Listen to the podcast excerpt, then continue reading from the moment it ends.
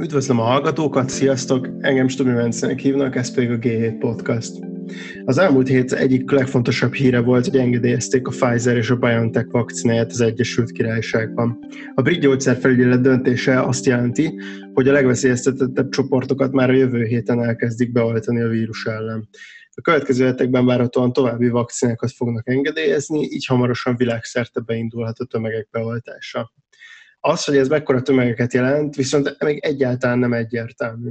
Az előzetes közvéleménykutatások alapján számos országban a lakosság elég nagy része nem akarja beadatni magának az oltást, ami komoly gátja lehet annak, hogy ne legyen szükség további korlátozó intézkedésekre, és hogy az élet visszaálljon a járvány előtti kerékvágásban. Persze az már megint egy másik kérdés, hogy mi az a járvány előtti világból, amihez vissza akarunk térni, és mi az, amit másképp kellene csinálnunk ahhoz, hogy elkerüljük a jövőben a világjárványokat. Arról nem is beszélve, hogy az is benne van a pakliban, mivel már megtörtént a baj, most csak erre fókuszálunk, miközben más kockázatokkal ugyanúgy nem foglalkozunk majd, mint a járvány veszélyel 2020 előtt.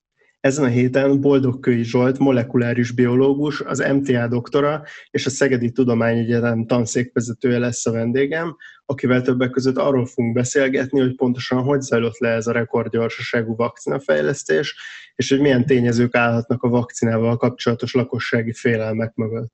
Emellett pedig arról is szó lesz, hogy mennyivel tudunk most többet a vírusról, mint tavasszal, illetve hogy mennyire vagyunk kitéve a jövőben hasonló veszélyeknek, és milyen tanulságokat érdemes ebből az egész világot megbénító járványból levonnunk a jövőre nézve. 100 hazai lakosból 56 nyilatkozott úgy a nyár végén, hogy beoltatná magát a vírus elleni készítménnyel, míg a nemzetközi átlag jelentősen magasabb, 74%-ot tett ki. Igazából még az én diplomás, egyébként egyáltalán nem tudományszkeptikus ismerősünk között is vannak olyanok, akik azt mondták, hogy egyáltalán nem oltás ellenesek, de félnek a COVID elleni oltástól, mert minden más széles körben használt vakcina fejlesztésének a folyamata jóval hosszabb volt.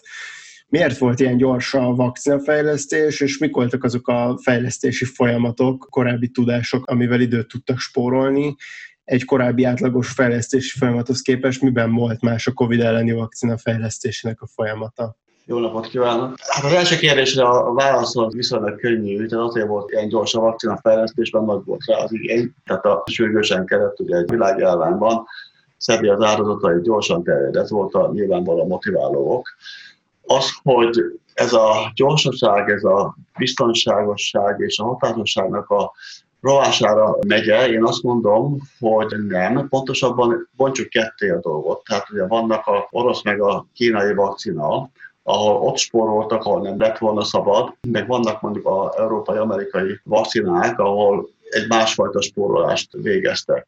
Tehát a kínai-orosz vakcinánál a probléma az, kezdjük akkor egy kicsit az elején. Tehát ugye, amikor tesztelnek egy gyógyszert vagy egy vakcinát, akkor át kell menni különféle ilyen vizsgálatokon, Ugye vannak különböző fázisok, az első fázis úgy hívja, hogy preklinikai fázis, ilyenkor állatokon vizsgálnak, illetve utána vannak a klinikai fázisok, ahol az 1-es, 2-es, 3-as klinikai fázis, ahol az 1-esben néhány páciens vizsgálnak, a 2-esben néhány százat, a 3-asban néhány ezret, és utána engedélyeztethetik a, a vakcinát, vagy a gyógyszert, bármiről van szó, és utána még általában szokott lenni egy negyedik fázis, ami utánkövetés, ami azt jelenti, hogy nézik, hogy mi a helyzet, amikor már a több ezestés jóval nagyobb a, a, a gyógyszer használat, vagy a vakcina használatnak a, az elterjedtsége, és akkor, ha ott esetleg előbukkan valami, ami a mellékhatásokat illeti, akkor még meg lehet állítani a folyamatot. Tehát ugye két dolgot vizsgálnak, egyik az, hogy hatásos-e, a másik pedig az, hogy van-e valami olyan mellékhatása, ami mondjuk súlyos. Tehát az oroszok, meg a kínai vakcinák egy része legalábbis a klinikai harmadik fázis spórolta meg, egészen pontosan, hogy elkezdték ezeket a vizsgálatokat, de még mielőtt befejeződött volna úgy,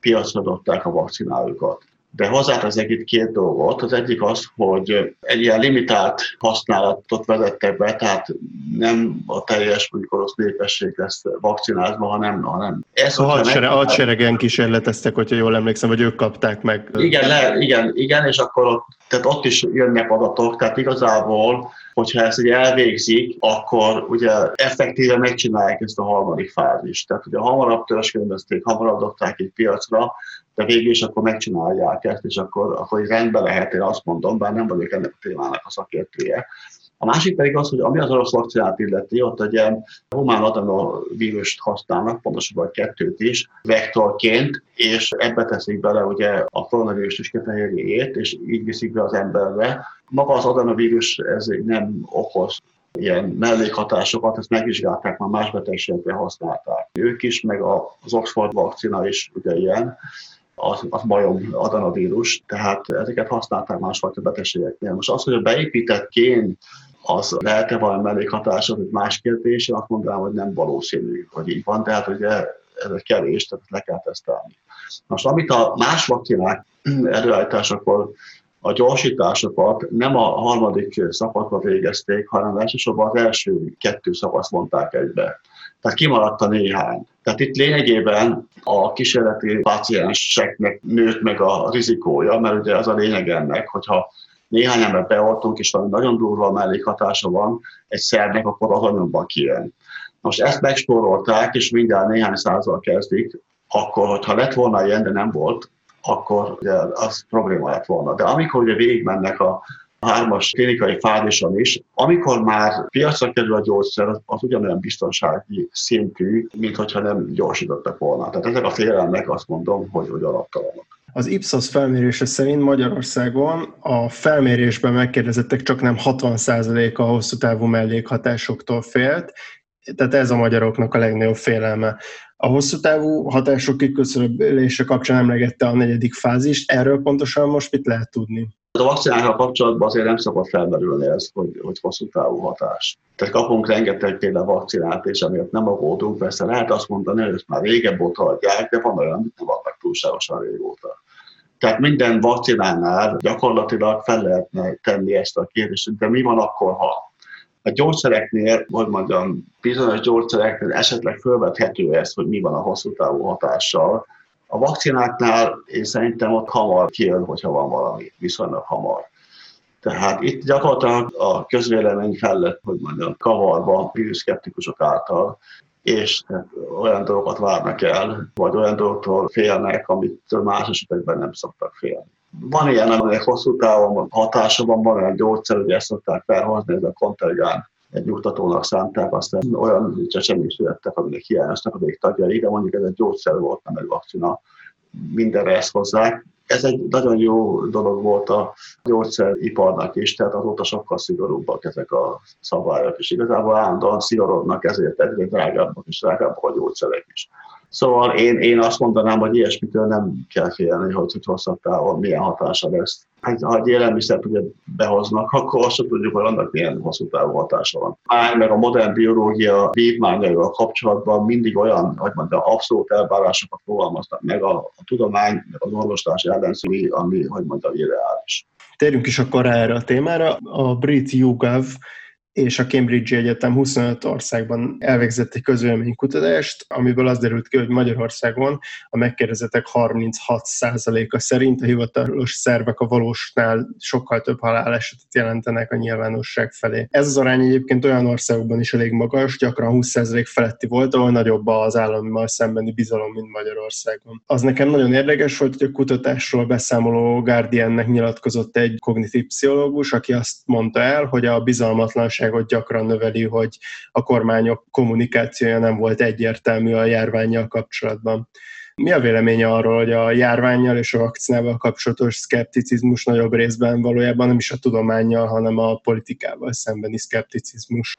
Ez a vírus szkepticizmusnak a hardcore magja, ami egy hát ilyen konspirációs elmélet. Tehát ugye, ha tovább viszük ezt a logikát, hogyha többet mondanak ugye mint amennyi, akkor valami fajta szándékuk van ezzel, tehát valami fajta önös érdekük van, hogy úgy tegyenek, mint ez a járvány egy valódi járvány lenne, és hogyha valódi járvány van, ugye akkor innentől kezdve végtelen a spekulációknak a, a nyomvonala, hogy akkor milyen hogy mondjam, haszna lehet a, a kormányoknak, mert ugye a világkormányokról van szó, nem csak a magyarról van szó. Mit nyerhetnek vele? Hát ugye nyilvánvaló, hogy a Bill Gates, a, nek a kezében van a WHO, ugye az, neki meg gazdagsága soha nem elég, meg kezdve attól, hogy hát ez egy csomó dolog, most akkor nem menjünk el vele, és a vírus szkepticizmus nem csak ebből a 36%-ból táplálkozik, mert ugye van, aki csak azt mondja, hogy hát én ilyen hülyeséget nem hiszek el, hogy a kormányok így becsapnak, hanem egyszerűen félek ettől hosszú távú hatásoktól. Tehát a,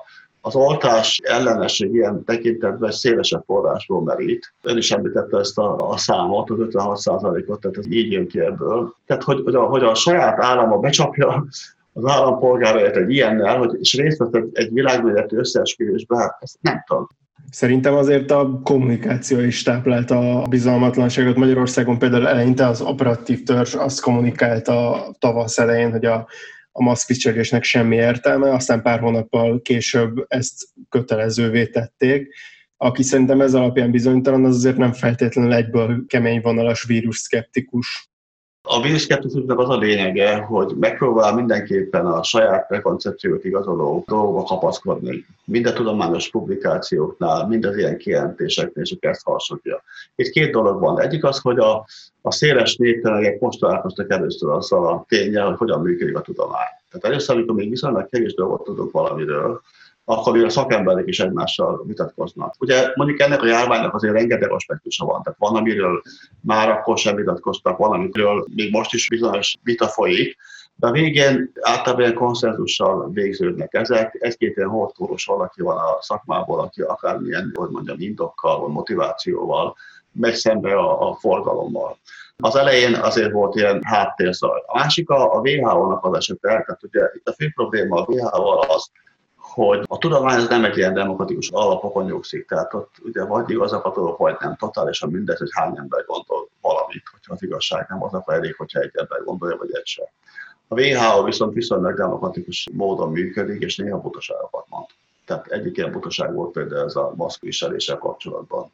Tehát, hogyha a maszkviselésre nincs értelme, akkor vajon az orvosok miért viselik a, a maszkot? Tehát egy ilyen butaság volt, de a WHO-nak volt már más butasága is. Szóval néha kijelentenek valamit, ami nincs úgy átgondolva, és akkor ez hasonlítja a társaság, aki ilyesmiket szeretne hallani. És mi lehet egyébként a tudománynak vagy a tudósoknak a szerepe ennek a bizalmatlanságnak a csökkentésében? Például mit lehetne másképpen csinálni a tudománykommunikációban annak érdekében, hogy ez a bizalmatlanság visszaszoruljon?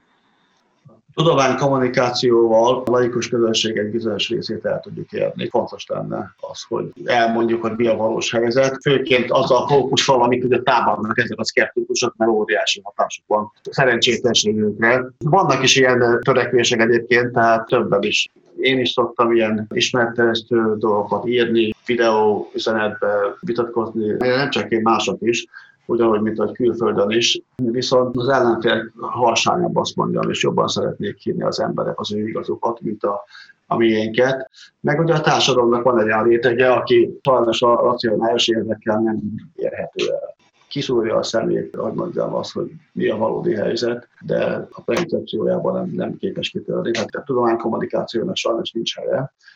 De nem tudni, hogy például Magyarországon mekkora az a réteg, aki hogy racionális, hogy mondjam, gondolkodás révén a véleménye megváltoztatható. Minden esetre ez úgy tűnik, hogy egy nagyon fontos kérdés, a magyarok meg a világon az emberek egy jelentős része már állás foglalt, és amikor ez megtörténik, utána nehezebb az embernek a dolga, de, de ezt nem kell feladni. Tudomány nehéz, amikor arról beszélünk, hogy, hogy a tudományban valószínűségi állítások vannak tegyük hozzá, hogy bizonyos dolgok annyira valószínűek, hogy tényeknek lehet nevezni őket.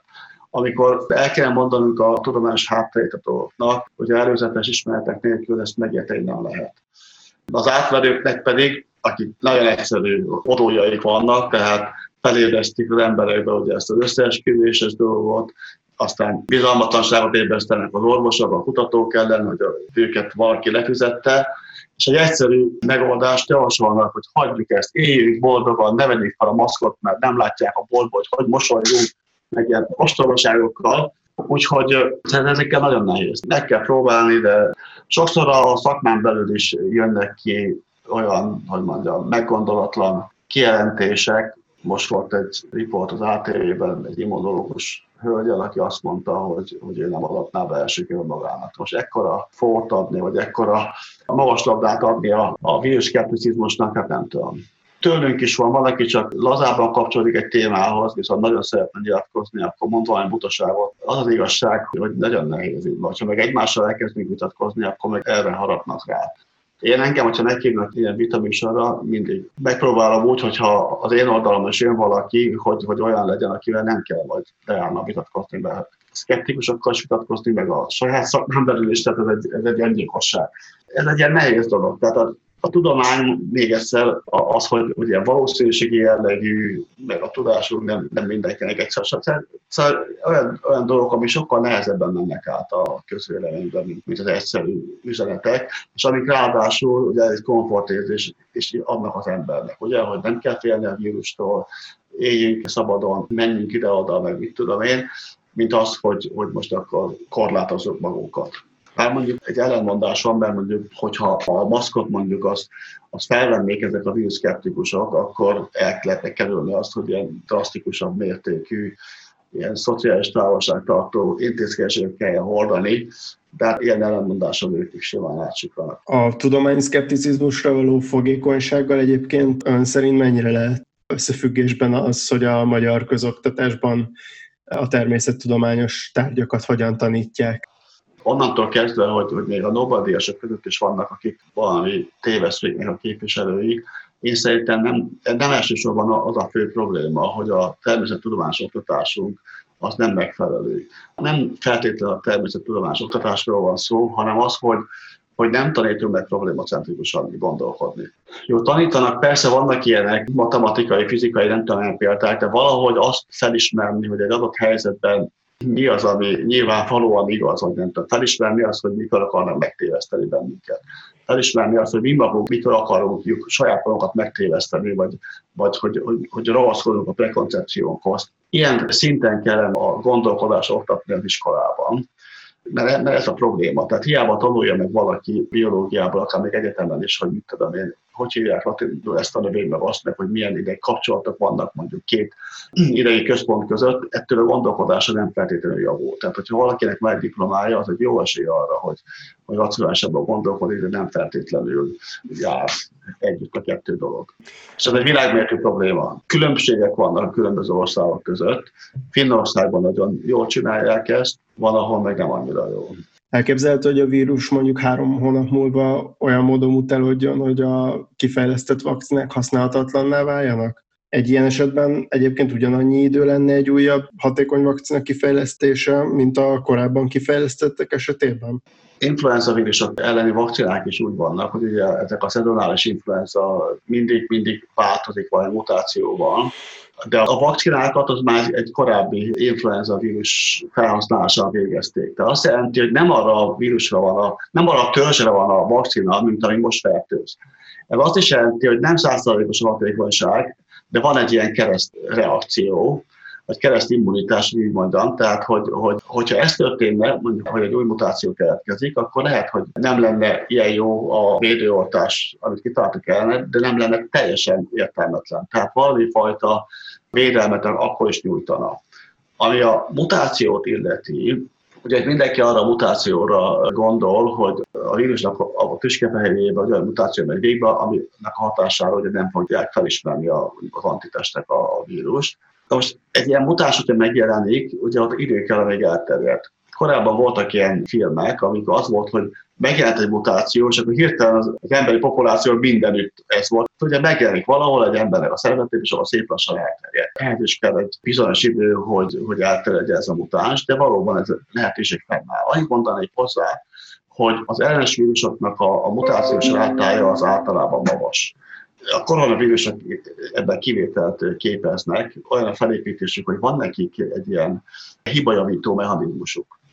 Ami azt jelenti, hogy, hogy keletkeznek, ugyanaz gyakran keletkeznek hibák bennük, de a jelentős részüket jól kiavítják, tehát nem jelenik meg, mint mutás. Tehát alacsony a mutációs rátája. A koronavírusnak alacsony a mutációs rátája, mint a többi ellenes vírusnak, tehát nehezebben jön elő egy ilyen vírus. Viszont, hogyha az egész világot ugye megfertőzi, akkor rengeteg vírus van, tehát emiatt meg ugye nagy az esély annak, hogy valahol megjelenik ez. Ezeket a dolgot nem lehet tudni. Tehát a mutáció egyébként egy kétéri fegyver, hogyha nem létezne a modern orvoslás, azt se tudnák, hogy mi a vírus, akkor az lenne a, a forgatókönyv, igen-igen valószínűleg, hogy a vírus úgy mutálódna, hogy nem lenne, nem okozna halált szinte egyáltalán Van már nekünk is ilyen négy endemikus koronavírusunk, enyhán átható Valószínűleg ezek is úgy jöttek létre, hogy először, amikor megjelentek, akkor magas volt a halálozási rátájuk, és aztán alkalmazkodtak. Nekik nem érdekel, az érdeke a vírusnak, hogy az ember talpon maradjon, utazzon, járjon társaságba, adja tovább a vírust. Tehát ez lenne. Csak ugye a modern orvoslás korában ugye ezt nem engedhetjük meg, mert valószínűleg óriási áldozatokkal járnak. Tehát meg kell találni a megoldást, ez meg ugye a vakcina lesz remélhetőleg hosszú távú védelmet okoz, és remélhetőleg a vírus nem tudja kicselezni. Hosszabb távon mennyire kell számítanunk hasonló világjárványok kitörésére? Elképzelhető, hogy a világban a közvetlen tapasztalat miatt egy újabb járványra készülünk most, miközben valójában valamilyen más biológiai veszélyforrás jelentőségét azt továbbra is ugyanúgy alulbecsüljük, ahogy 2020 előtt a világjárvány kockázatát alulbecsültük. Amúgy hát sokan riogatnak ezzel természetesen persze. Az emberi populáció ugye növekszik, de egyre nagyobb esély, hogy valamelyikünkbe ugye kialakul egy ilyen fertőző ágens, ugye mondjuk állatokról átpattan. A másik ugye a globális felmelegedés, tehát itt például Európára vonatkoztatva ugye egyre melegebb lesz, és akkor jönnek olyan szonyagok a délvidékekről, ahol, amik ilyen fertőzéseket hoznak magukkal. Vannak bizonyos félelmek, például a, a madár influenzától félnek nagyon. Ott ugye Dél-Kelet-Ázsiában néha ilyen baromfi tenyészetekben megjelenik egy ilyen vírus, és hogyha elkapja az ember, akkor a, mortalitási rátája igen nagy, tehát akár 80% feletti is és eddig az a szerencse, hogy az ilyen vírus nem tudja az ember egy másik emberre átadni, továbbadni, legalábbis hatékonyan nem tudja átadni, mert volt már eset. Ettől például nagyon félnek, hogy egy ilyen igen magas mortalitású rátájú madárinfluenza vírus eredetű ilyen új vírus elterjed, vannak rengeteg ilyenfajta járvány majd beindul, de ezt mind meg tudják állítani. A terjedő képessége ezeknek a kórokozóknak nem olyan jó, mint például a koronavírusnak vagy az influenza vírusnak. Tehát ez ebből a szempontból egy, ilyen, egy, egy nagyon nagy véletlen volt, így kimondhatjuk, hogy, hogy pont ez így alakult most, hogy ebből ilyen globális járvány lett? Ez az egész mindez véletlen, ugye már elindult már két más koronavírus is az útjára, ugye ez a SARS-CoV-1 meg a MERS vírus, azoknak sokkal nagyobb volt a halálozási arány, amit produkáltak, azt, azt hamar tudták lokalizálni mert ne, nem volt olyan jó terjedőképességük. Tehát a terjedőképesség az, ami itt egy fontos ebből a szempontból, hát ez, de minden ilyen véletlen. Tehát az, hogy most ha tényleg a kínai piacon kapta el valaki, hát ez véletlen, pont kiment vásárolni, megvette, megette, vagy nem tudom mit. Sajnos minden véletlen nem tehetünk ezekről a dolgokról. Köszönöm szépen Boldog Köri Zsoltnak, hogy a vendégem volt ezen a héten. Köszönöm és a megkeresés. A hallgatóknak pedig köszönöm, hogy itt voltak velünk, iratkozzatok fel ránk valamelyik okos telefonos podcastban, kövessetek minket Spotify-on, és olvassatok minket a jövő héten is.